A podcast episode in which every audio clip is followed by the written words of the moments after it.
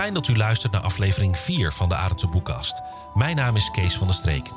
Deze keer het laatste deel van het tweeluik... waarin ik met Willem van Noorl spreek over de Tweede Wereldoorlog en de bevrijding. Deels vertelt Willem over de gebeurtenissen in de gemeente Elburg... maar deze keer beperken we ons er niet toe. Zo spreken we over Sobibor en Westerbork... over Jules Schelvis, Ed van Tijn en zelfs Harry Mulisch. Maar ook de meest recente ontdekking van Willem komt voorbij. Zo zie je maar weer. Over geschiedenis raak je nooit uitgepraat... en ook het onderzoek staat nooit stil. We zitten hier uh, in het Gruithuis aan de, aan de tafel uh, in, het, in de bestuurskamer. En jij hebt daar neergelegd een hele mooie. Um, ja, wat, wat, wat is het eigenlijk? Vertel eens, wat, wat, wat, wat zien we daar liggen? Nou, ik heb vanmorgen gedacht, ik neem twee dingen mee. Ja. Twee fysiek tastbare dingen. Het eerste, dat is heel bijzonder, dat is een, een zakdoek. Ja. En die zakdoek, daar staan allemaal namen op, handtekeningen. Mm -hmm. Nou, wat is er nu gebeurd? Ik liet de naam Aad Kruidhoff even vallen. Ja.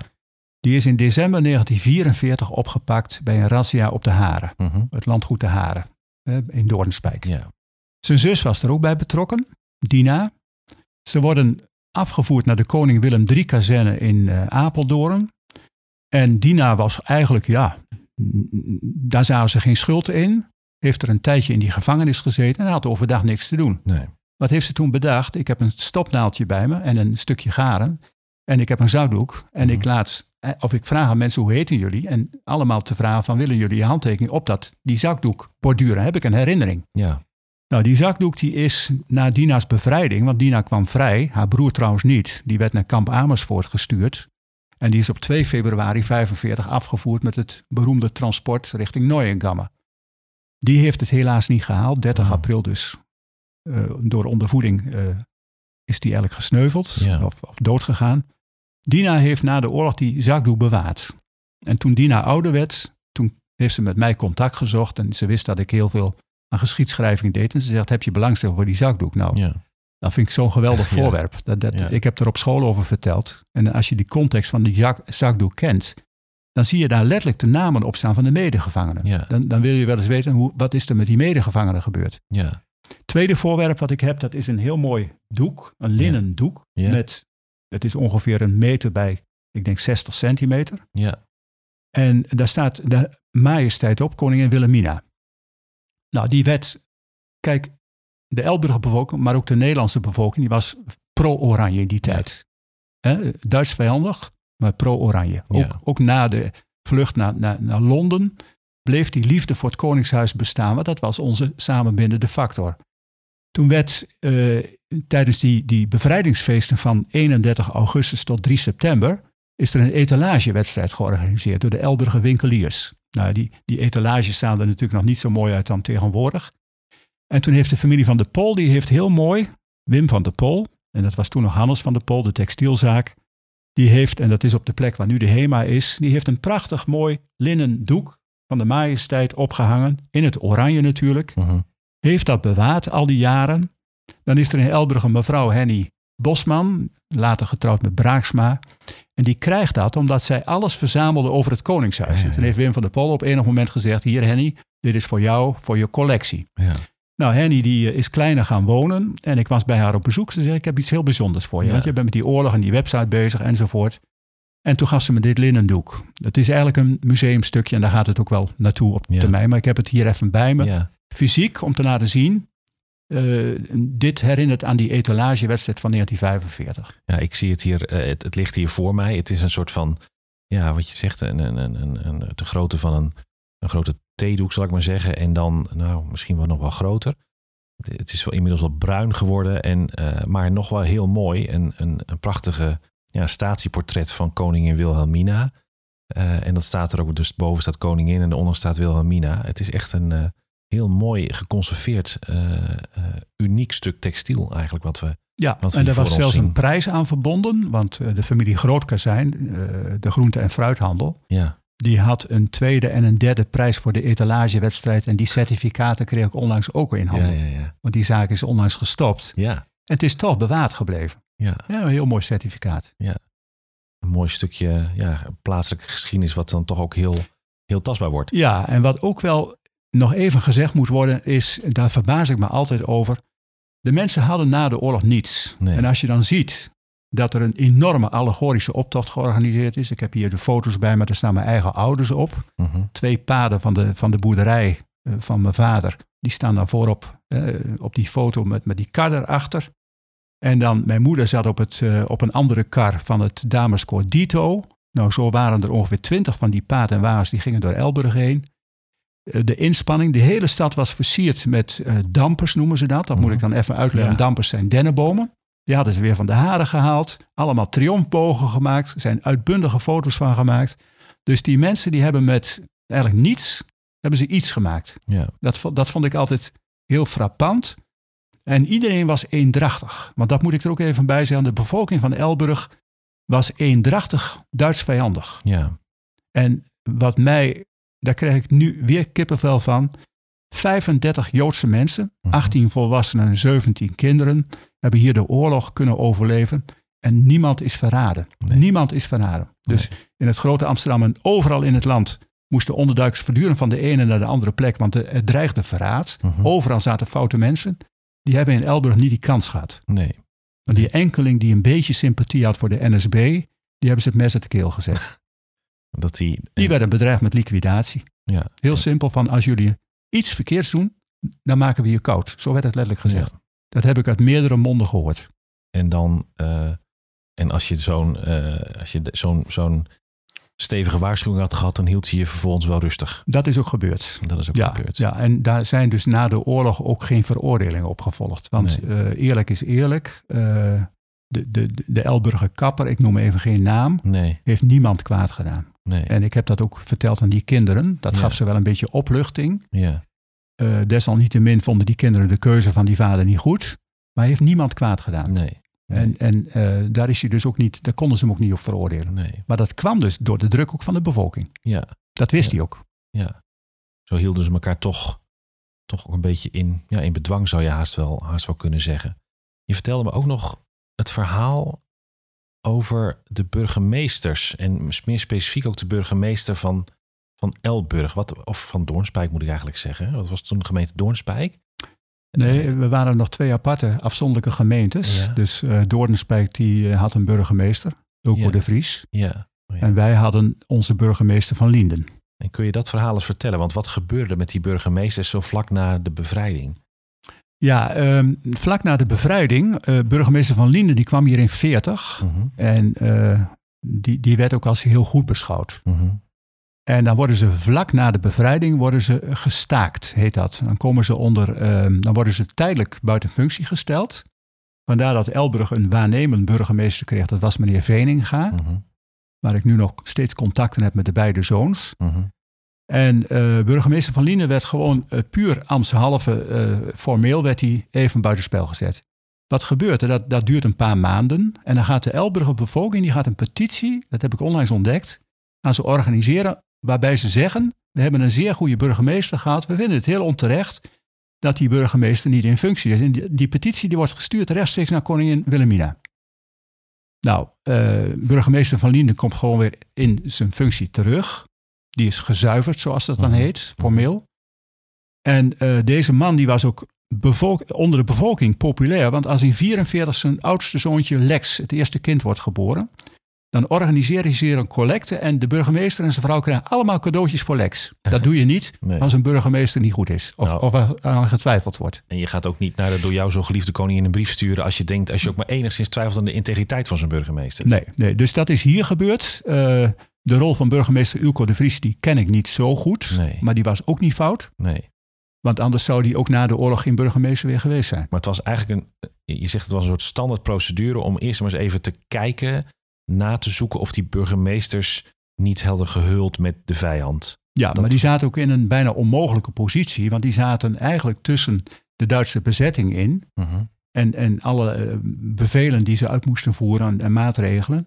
En anderzijds burgemeesters die natuurlijk dicht op de bevolking stonden. Ja. Dus in, zo'n sleutelrol kon je dus ook iets betekenen, verzachtend enzovoort. Ja. eh, ten aanzien van je eigen bevolking. En dat heeft Ja. Van Linden hier ook best wel gedaan. Hij zat soms in een hele lastige positie. Ja. Maar hij heeft bijvoorbeeld Joodse mensen gewaarschuwd van duik onder en, en we hebben adressen voor jullie.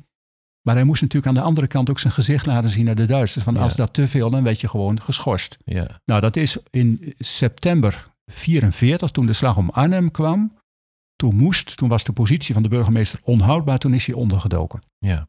En toen is hij uiteindelijk terechtgekomen op Huizen uh, Schouwenburg, want de freule van Sietsema, dat was een goede kennis van hem. Oh ja. En die had ook ruimte. Toen kregen we hier een NSB-burgemeester, Rosene Mans, en die heeft hier samen met Oldebroek, in een duobaan, heeft hij dus de zaak waargenomen. Ja. Kijk, Elburg heeft het geluk gehad, in tegenstelling tot Oldebroek en, en Oosterwolde, we hadden hier een hele soepele bezetting. Ja. Alleen de burgemeesterswoning, die werd in september eh, 1944, toen Van Liene vertrok, gevorderd door de Ziekenhuisdienst, de Mhm. SD. En toen werd het wel wat vervelender. Waar was die burgemeesterswoning? Ja, dat was waar nu de Haas is, het partycentrum Oh de Haas. Dat, dat is dus eigenlijk recht tegenover de ledige steden. Dat was de, de ambtswoning van de burgemeester. Ja. En dat werd toen het, eh, het hoofdkwartier van de SD. Mhm. En die werd gevorderd. Eh, en de burgemeester die, eh, die kon daar dus, eh, die, die, die, die, woonde daar op dat moment dus niet meer. En er kwam een NSB-burgemeester. Ehm, en je zei, Oldenbroek had daar meer last van. Die hadden, wat, die hadden het wat, wat, wat zwaarder te verduren. Ja, wij hadden hier een, een, ja, een Duitse post met allemaal oudere mannen die eigenlijk geen zin aan de oorlog hadden. En daar had de, Duitse of de Elburger bevolking best een redelijk contact mee. Mhm. Eh, die waren gebivakkeerd bij eh, het café aan de haven. Mhm. Daar zat toen de familie eh, Koen de Vries. Mhm. Nou, daar, daar was ook in het begin enige twijfel van. Ja, ze zitten daar in huis. Maar dat, dat, daar was geen sprake van. Ook Koen de Vries had op dat moment geen keus. Maar die mensen waren ook helemaal niet lastig. Die deden ook niks. Nee. In Oosterwolde en in Oldebroek zijn een paar flinke razzia's geweest voor de arbeidseinsatz. Nou, dat was ook de reden dat in 44 eh Leni Duizend daar weg moest bijvoorbeeld. Daar is ook wel verraad geweest in Oldebroek. Eh, daar, daar wemelde het ook van de onderduikers. Hè, ere wie ere toekomt. Maar daar zijn best wel een paar razzia's geweest. En zeker in 43 toen de arbeidseinsatz kwam, hebben ze gewoon het hele gebied uitgekampt en alle jonge mannen. Er is ook een aantal afgevoerd Mhm. die dus aanvankelijk weigerden om te werk gesteld te worden in Duitsland. Dus daar hebben ze er best wel wat last van gehad.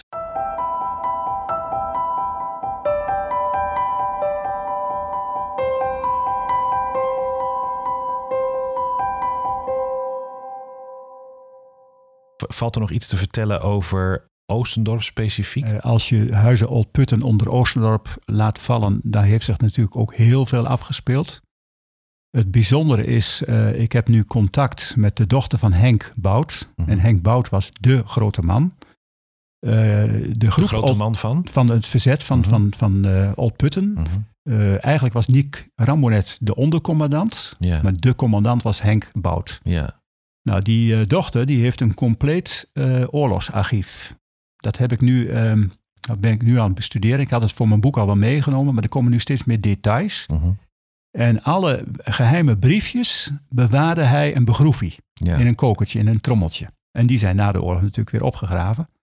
Nou, Henk Bouts, eh, dat, die groep Old Putten was meer een LKP-groep, een knokploeg.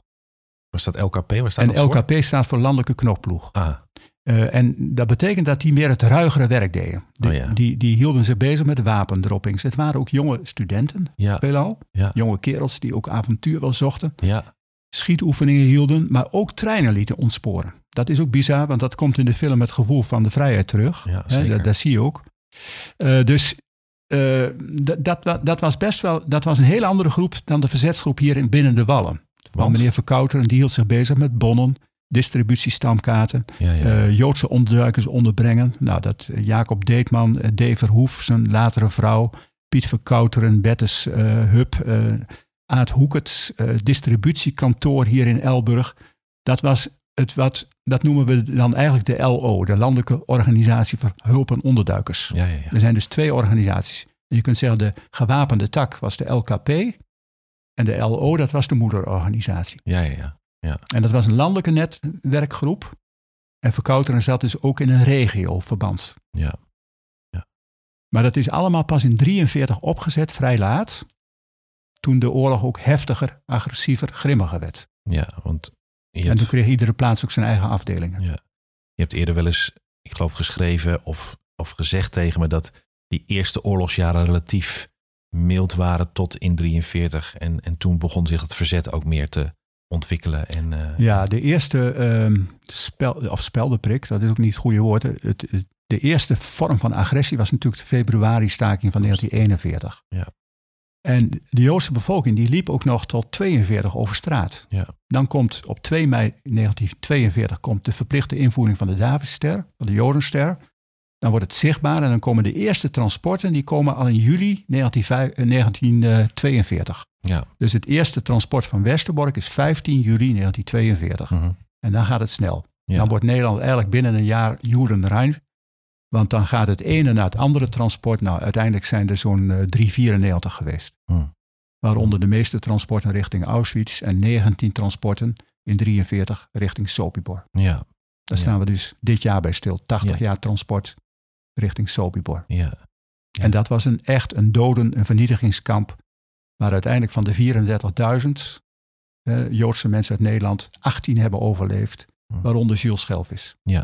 Even voor de mensen die Jules Schelvis niet kennen. Jules Schelvis was... Nou, Jules Schelvis was een eh, Joodse Amsterdammer. Die heeft uiteindelijk zeven kampen overleefd. Met ontzettend veel ook geluk, zegt Mhm. hij achteraf. Eh, hij heeft Auschwitz en Sobibor overleefd. En is daarmee de enige Nederlander die die twee verschrikkelijke kampen heeft overleefd. En dat Ja. later ook enorm heeft uitgedragen met al zijn verhalen. Want zonder Jules zouden wij in feite eh Sobibor niet zo gekend hebben als dat we het op dit moment kennen. Toen de eerste tien waarin wij zaten binnen het kamp langs de rampen stilstonden, werden de schuifdeuren opengeschoven. Nu door mannen in blauwe overals met op hun arm de letters BK.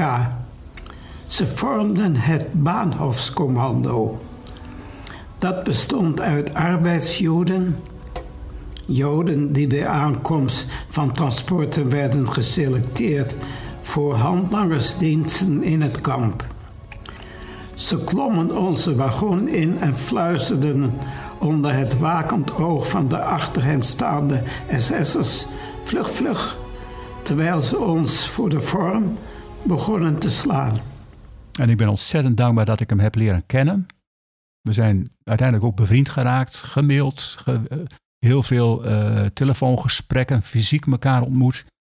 En ik moet nog altijd denken aan die ene keer dat ik hem in, eh, in, in Sobibor heb ontmoet. Dat was in 2013.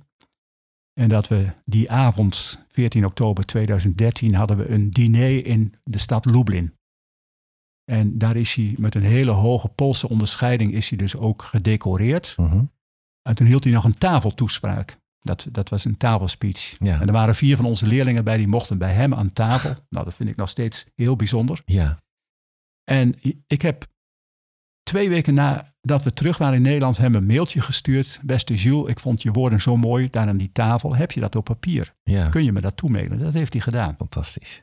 En dat koester ik nog steeds. Ja, ik natuurlijk. denk dat niemand het verder heeft, want het, ergens in zijn laptop is dat eh, blijven hangen. Ja. Maar daar sprak hij toch historische woorden. En Ja. dat, daar gaf hij ook aan dat het zijn laatste bezoek zou zijn aan Sobibor. Ja, Waar zijn vrouw, zijn eerste vrouw, op 20-jarige leeftijd is vermoord. Maar Ja. ook zijn hele schoonfamilie. Ja, ik vind het zodanig belangrijk, niet ten faveur van mijzelf, maar ik wil het verhaal vertellen aan de nieuwe generatie. Die moeten ook weten wat er tijdens de Tweede Wereldoorlog met de Joden is gebeurd. Kijk, en dat, dat ontroert je. Dat, dat, dat kun je niet beschrijven. En dan Nee. s'avonds om half elf in dat, dat schemerachtige restaurant waar we een viergangen diner hadden, spreekt hij als laatste naar Martin van Rijn, de staatssecretaris, die toespraak. ja, En toen dacht ik, wat moet er door deze man heen gaan? ja, Dat hij dit nog meemaakt op Ja. 92-jarige leeftijd. ja. Op die plek. Op die plek, die beladen plek. Ja, Ik heb hem daar eenzaam op een bankje zien zitten. En toen dacht ik in het kamp Sobibor, wat gaat er nu door deze man heen? ja, Wat, wat, wat, hoe beleeft hij dit? En, Ja. en ik- ben er zelf maanden na, na die reis toch een beetje eh, van, van de leg geweest. ja, Ik kon het niet een plek geven. Ja. Dus het is de meest aangrijpende reis die ik ooit heb gemaakt, die eerste keer. ja. Later ben ik er nog zeven keer geweest. Maar het went nooit. Het Nee. went nooit. Nee. Maar die eerste keer was natuurlijk in die zin ook zo bijzonder, omdat eh, ja, de Jules Schelvis daar natuurlijk bij was. Hij was er fysiek bij. Ja, En toen heeft, en dat vond ik zo ontroerend, Koen van Dijk, die was samen met die drie andere eh, scholieren van het HAVO hier, eh, het Lambert Frankers College, ja, Toen zegt hij, meneer Van Norel, ik wil zo graag Jules Schelvis een vraag stellen. Zou Ja. dat mogen? Ja. Toen heb ik aan Rosette Katz, de begeleidster van Jules, dat voorgelegd. Toen zegt, zegt zij, natuurlijk kun je dat doen, want dat zijn jongeren. Dat, dat, Ja. dat, daar staat hij voor open. Ja. Dus die jongelui gaan met z'n drieën geknield om hem heen zitten. En toen stelde Koen de vraag, meneer Schelvis, wat beweegt u om op deze leeftijd hier nog weer naartoe te gaan? En toen viel er even een stilte, want ik stond er net achter met mijn fototoestel. En toen zei die jonge man, ik ben hier voor jullie. Jullie moeten mijn verhaal doorvertellen. Want er komt een periode dat ik er niet meer ben.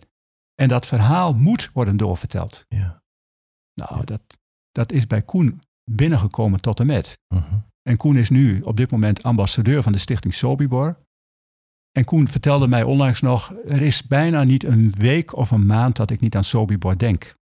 En het mooie is dat we na al die reizen, dit jaar, dat is dus tien jaar reizen naar Sobibor, een reunie organiseren. En Hmm. een van die dingen die daaraan vastgeknoopt wordt, is er wordt een enquête uitgezet onder die jongeren. Wat heeft die reis uiteindelijk met je gedaan? Welke Ja. impact heeft het gehad? Ik Ja. ben heel benieuwd. Ja. Maar ik weet zeker dat dat bij heel veel leerlingen nog steeds eh partner speelt. Ja.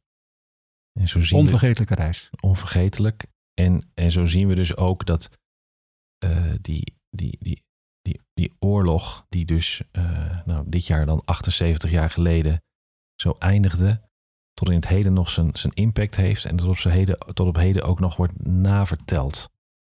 Ja, en je ziet dat ook bij herdenkingen. En je ziet het aan alle televisieprogramma's en alle films die er gemaakt worden. Het lijkt wel alsof die oorlog eh, steeds meer belangstelling krijgt. Hoe verder we van die oorlog afraken. Ja, Harry Mulisch heeft het een keer heel mooi omschreven. Die zegt, we blijven net zo lang over die Tweede Wereldoorlog spreken en herdenken tot er een Derde Wereldoorlog komt. ja, Zo lang zullen we ermee bezig zijn. ja. Vond ik wel heel mooi dat hij dat zo zei. Ja, Het, het is een moreel eikpunt in onze Het is, het is toch een, absolute gebeurtenis die maar eens in de zoveel eeuwen plaatsvindt. En daar, was je dan bij. Hoewel, je was ook niet bij. Kijk, je hebt mensen zeggen, hij heeft de oorlog meegemaakt. Maar iedereen van mijn leeftijd en ouder heeft een andere oorlog meegemaakt. Als je als kind zat in een concentratiekamp, Auschwitz, een andere oorlog dan wanneer je als kind was in, in, in Dresden, wat gebombardeerd was. Of in, Frankrijk in, het verzet zat. Iedereen heeft zijn eigen wereldoorlog. En dat is ook de spraakverwarring die er rondom die oorlog bestaat. Het is niet duidelijk één ding. Het is een miljoenen ding.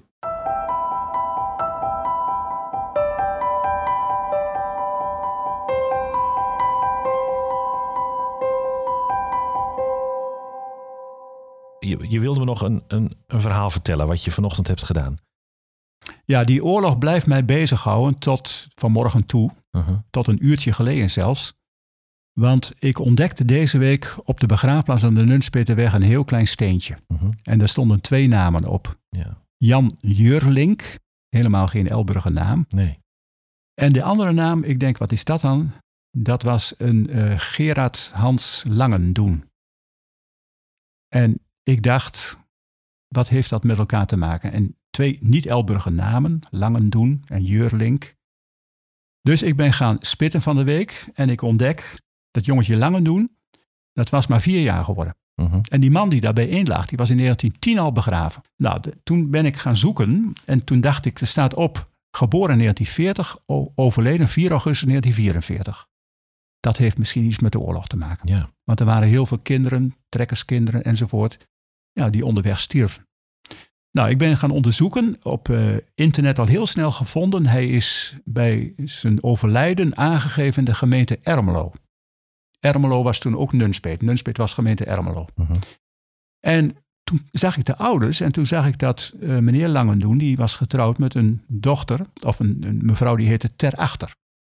Ter Achter hier in Elburg, dacht ik meteen. ja, Dus gisteravond om eh, negen uur heb ik Annemarie gebeld, Annemarie Ter Achter. Ik vertelde haar dat verhaal, toen zei ze, ja, maar dat is mijn neefje. En die mevrouw Ter Achter was mijn tante. En dat jongetje is bij een treinbeschieting om het leven gekomen tussen Harderwijk en Ermelo. Ja. Daar heb je zo'n bocht in het, Ja. zeg maar, in het spoorlijn, de bekende bocht. En Ja. daar is een beschieting geweest. Toen zegt ze, nou, dat is wat ik ervan weet. Eh, het is een familiedrama geworden uiteindelijk. Want, want mijn oom en tante die hadden vier kinderen en die verliezen dus hun jongste kind. Mhm. En toen zegt ze maar, ik heb een telefoonnummer van mijn nicht Hetty en die woont in Westervoort. Bel die maar eens op. Nou, die heb ik vanmorgen om tien uur gebeld. En die heeft me het hele verhaal verteld, tot in de context toe. Dat jongetje is dus, terwijl die ouders hier op bezoek geweest waren. Die vader zat trouwens in Amsterdam, maar die moeder die is met haar kinderen afgereisd. Terug naar Amsterdam en die worden daar in, eh, beschoten. Omdat er een Duitse afweergeschut stond. En die zag een Engelse vlieger. En die hebben zo laag gericht dat ze die trein hebben geraakt. Die trein is meteen gestopt, want er waren allemaal gewonden. Mhm. En terwijl die trein daar stond, komt die Engelse jager terug en die gaat schieten op die Duitse afweer. En die nemen in het vuur ook die trein mee. En toen is dat jongetje zo zwaar gewond geraakt, die is dezelfde avond in Ermelo in Salem overleden in het ziekenhuis. Ja. Die vader is er nog bij geweest, bij die, want het jongetje heeft nog een halve dag geleefd. Die moeder lag gewond in het ziekenhuis met de drie dochters. Is er niet eens bij geweest, allemaal scherven in de benen. Die Hetty die ik vanmorgen belde, die zegt mijn enkel was toen verbrijzeld, daar heb ik mijn leven lang last van gehad. En de begrafenis, dat moest snel geregeld worden, is in Elburg plaatsgevonden. Want daar lag, zegt zij, mijn overgrootvader, dat was die Jan Ju- Jurlink, en die lag er alleen in een graf. Ja. En dus is dit jongetje erbij bij- de overgrootvader in begraven. Nou, dat is een heel tragisch verhaal. Ik zei, heb je nog foto's van, eh, van je broertje? Toen zegt ze, ja, in 43 zat er in Amsterdam, paar huizen verderop, een Joodse fotograaf ondergedoken. En die verdiende er in zijn vrije tijd, waarbij die ging s'avonds gewoon foto's maken. Ja, ja, ja. En die heeft ons gezin heel mooi op de foto gezet, uitvoerig, gordijnen dicht natuurlijk. Want die flits, dat moest natuurlijk allemaal zo geregeld worden. Dus dit is alweer een puzzel. En nou komt het.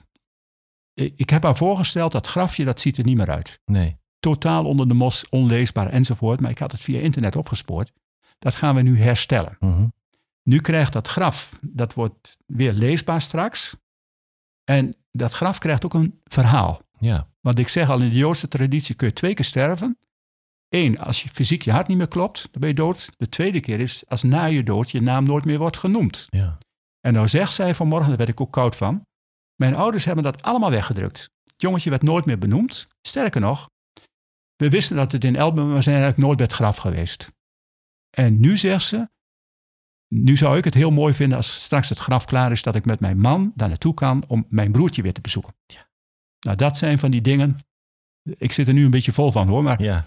nu heb ik het verhaal aan haar toegestuurd. Ik heb het vanmorgen gemaakt in concept. Nu Mhm. gaat zij er overheen natuurlijk. En overal waar het aanvulling en correctie verdient, eh, wordt dat verhaal opgevuld. Ja. Dit, dit wordt weer een heel. Terwijl ik het niet wist. Ik dacht dat ik alles wist van de oorlog. Maar hier heb je weer een klein stukje van die puzzel. wat weer op een plek valt. Ja. En dat jongetje, dat heb ik haar al toegezegd. Dat gaat 4 mei. wordt dat grafje bezocht met bloemen. Ja. Zoals wij dat een paar jaar geleden Ja. ook deden. Ja, met Arend de Boek op en het We hebben er weer eentje bij. Ja. Fantastisch. En misschien krijgt het ook wel een plekje in de krant met een, eh, een verhaal. Dan Ja. komt dat, die mooie foto van jochie. Ja. Maar ik wist het niet. Ja. En dat, die link ligt dus met die familie ter achter. Ja. En Jurlink was dus de overgrootvader van Annemarie ter achter en van Hetty. Ja. Van Hetty Langedoen. Paul Gerard heet het jongetje. Paul Gerard, nou weet ik het weer. Ja. Bijzonder hè? Heel bijzonder. Nou, dat is nu ja, de meest actuele stand van zaken. In de geschiedschrijving voegen ze nog iedere dag toe, omdat we ook meer bronnen hebben. Ja. De bronnen worden toegankelijker Ja. via het internet. En dat heeft Ad van Liemt, die heeft dat fantastisch beschreven in dat boekje, de serie van 1940 tot 45. Hij heeft het zesde deel, dit heet De Afrekening. En eh, dit geeft de gebeurtenissen uit 1945 weer. Het was een jaar met heel veel tegenstellingen. Mhm. De, dus enerzijds bevrijding, anderzijds de dompen van het verdriet. Aan de ene kant mensen die in het verzet zaten, aan de andere kant de afrekening, vandaar die titel, Ja. met alles wat fout was. Je moet je voorstellen, Ed van Tijn die was 11 jaar oud en die zit in Westerbork als de bevrijding daar 12 april komt. En dan wordt dat kamp wordt deels ontruimd, maar dan worden Joodse mensen ingezet om foute mensen die daar naartoe gebracht worden, NSB'ers enzovoort, om die te bewaken. Ja. Dus de 11-jarige eh, Ed van Tijn die krijgt een knuppel in zijn hand en, en die moet dan eh, foute Nederlanders bewaken, terwijl die Ja. door diezelfde mensen dus vervolgd en, en opgejaagd is geweest. Na de bevrijding werd het eh, kamp overspoeld met nieuwe gevangenen. De, de foute Nederlanders werden in dat kamp gestopt. En wij mochten ze bewaken. Het was echt eh, buitengewoon pervers geregeld. Achteraf heb ik me afvragen welk ziek brein dat toen bedacht heeft. En ik was een jongetje van tien, maar ik liep wel met een stok in mijn handen. Kropen bijna over de grond. Ik moest op een gegeven moment tien van die gevangenen het bos in om mijn hout te sprokken. Ja. En eh, ik was geen seconde bang. Omgekeerd, zij waren bang voor mij. Bizar.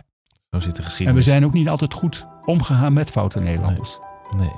Dat zouden we nu ook anders doen. Hè? Denk maar eens aan die meisjes met dat kaalknippen Ja. en Bijltjesdag. Ja. Dat is allemaal in de waan van de dag gebeurd. In de context van de, In de geschiedenis. context van de geschiedenis. Ja.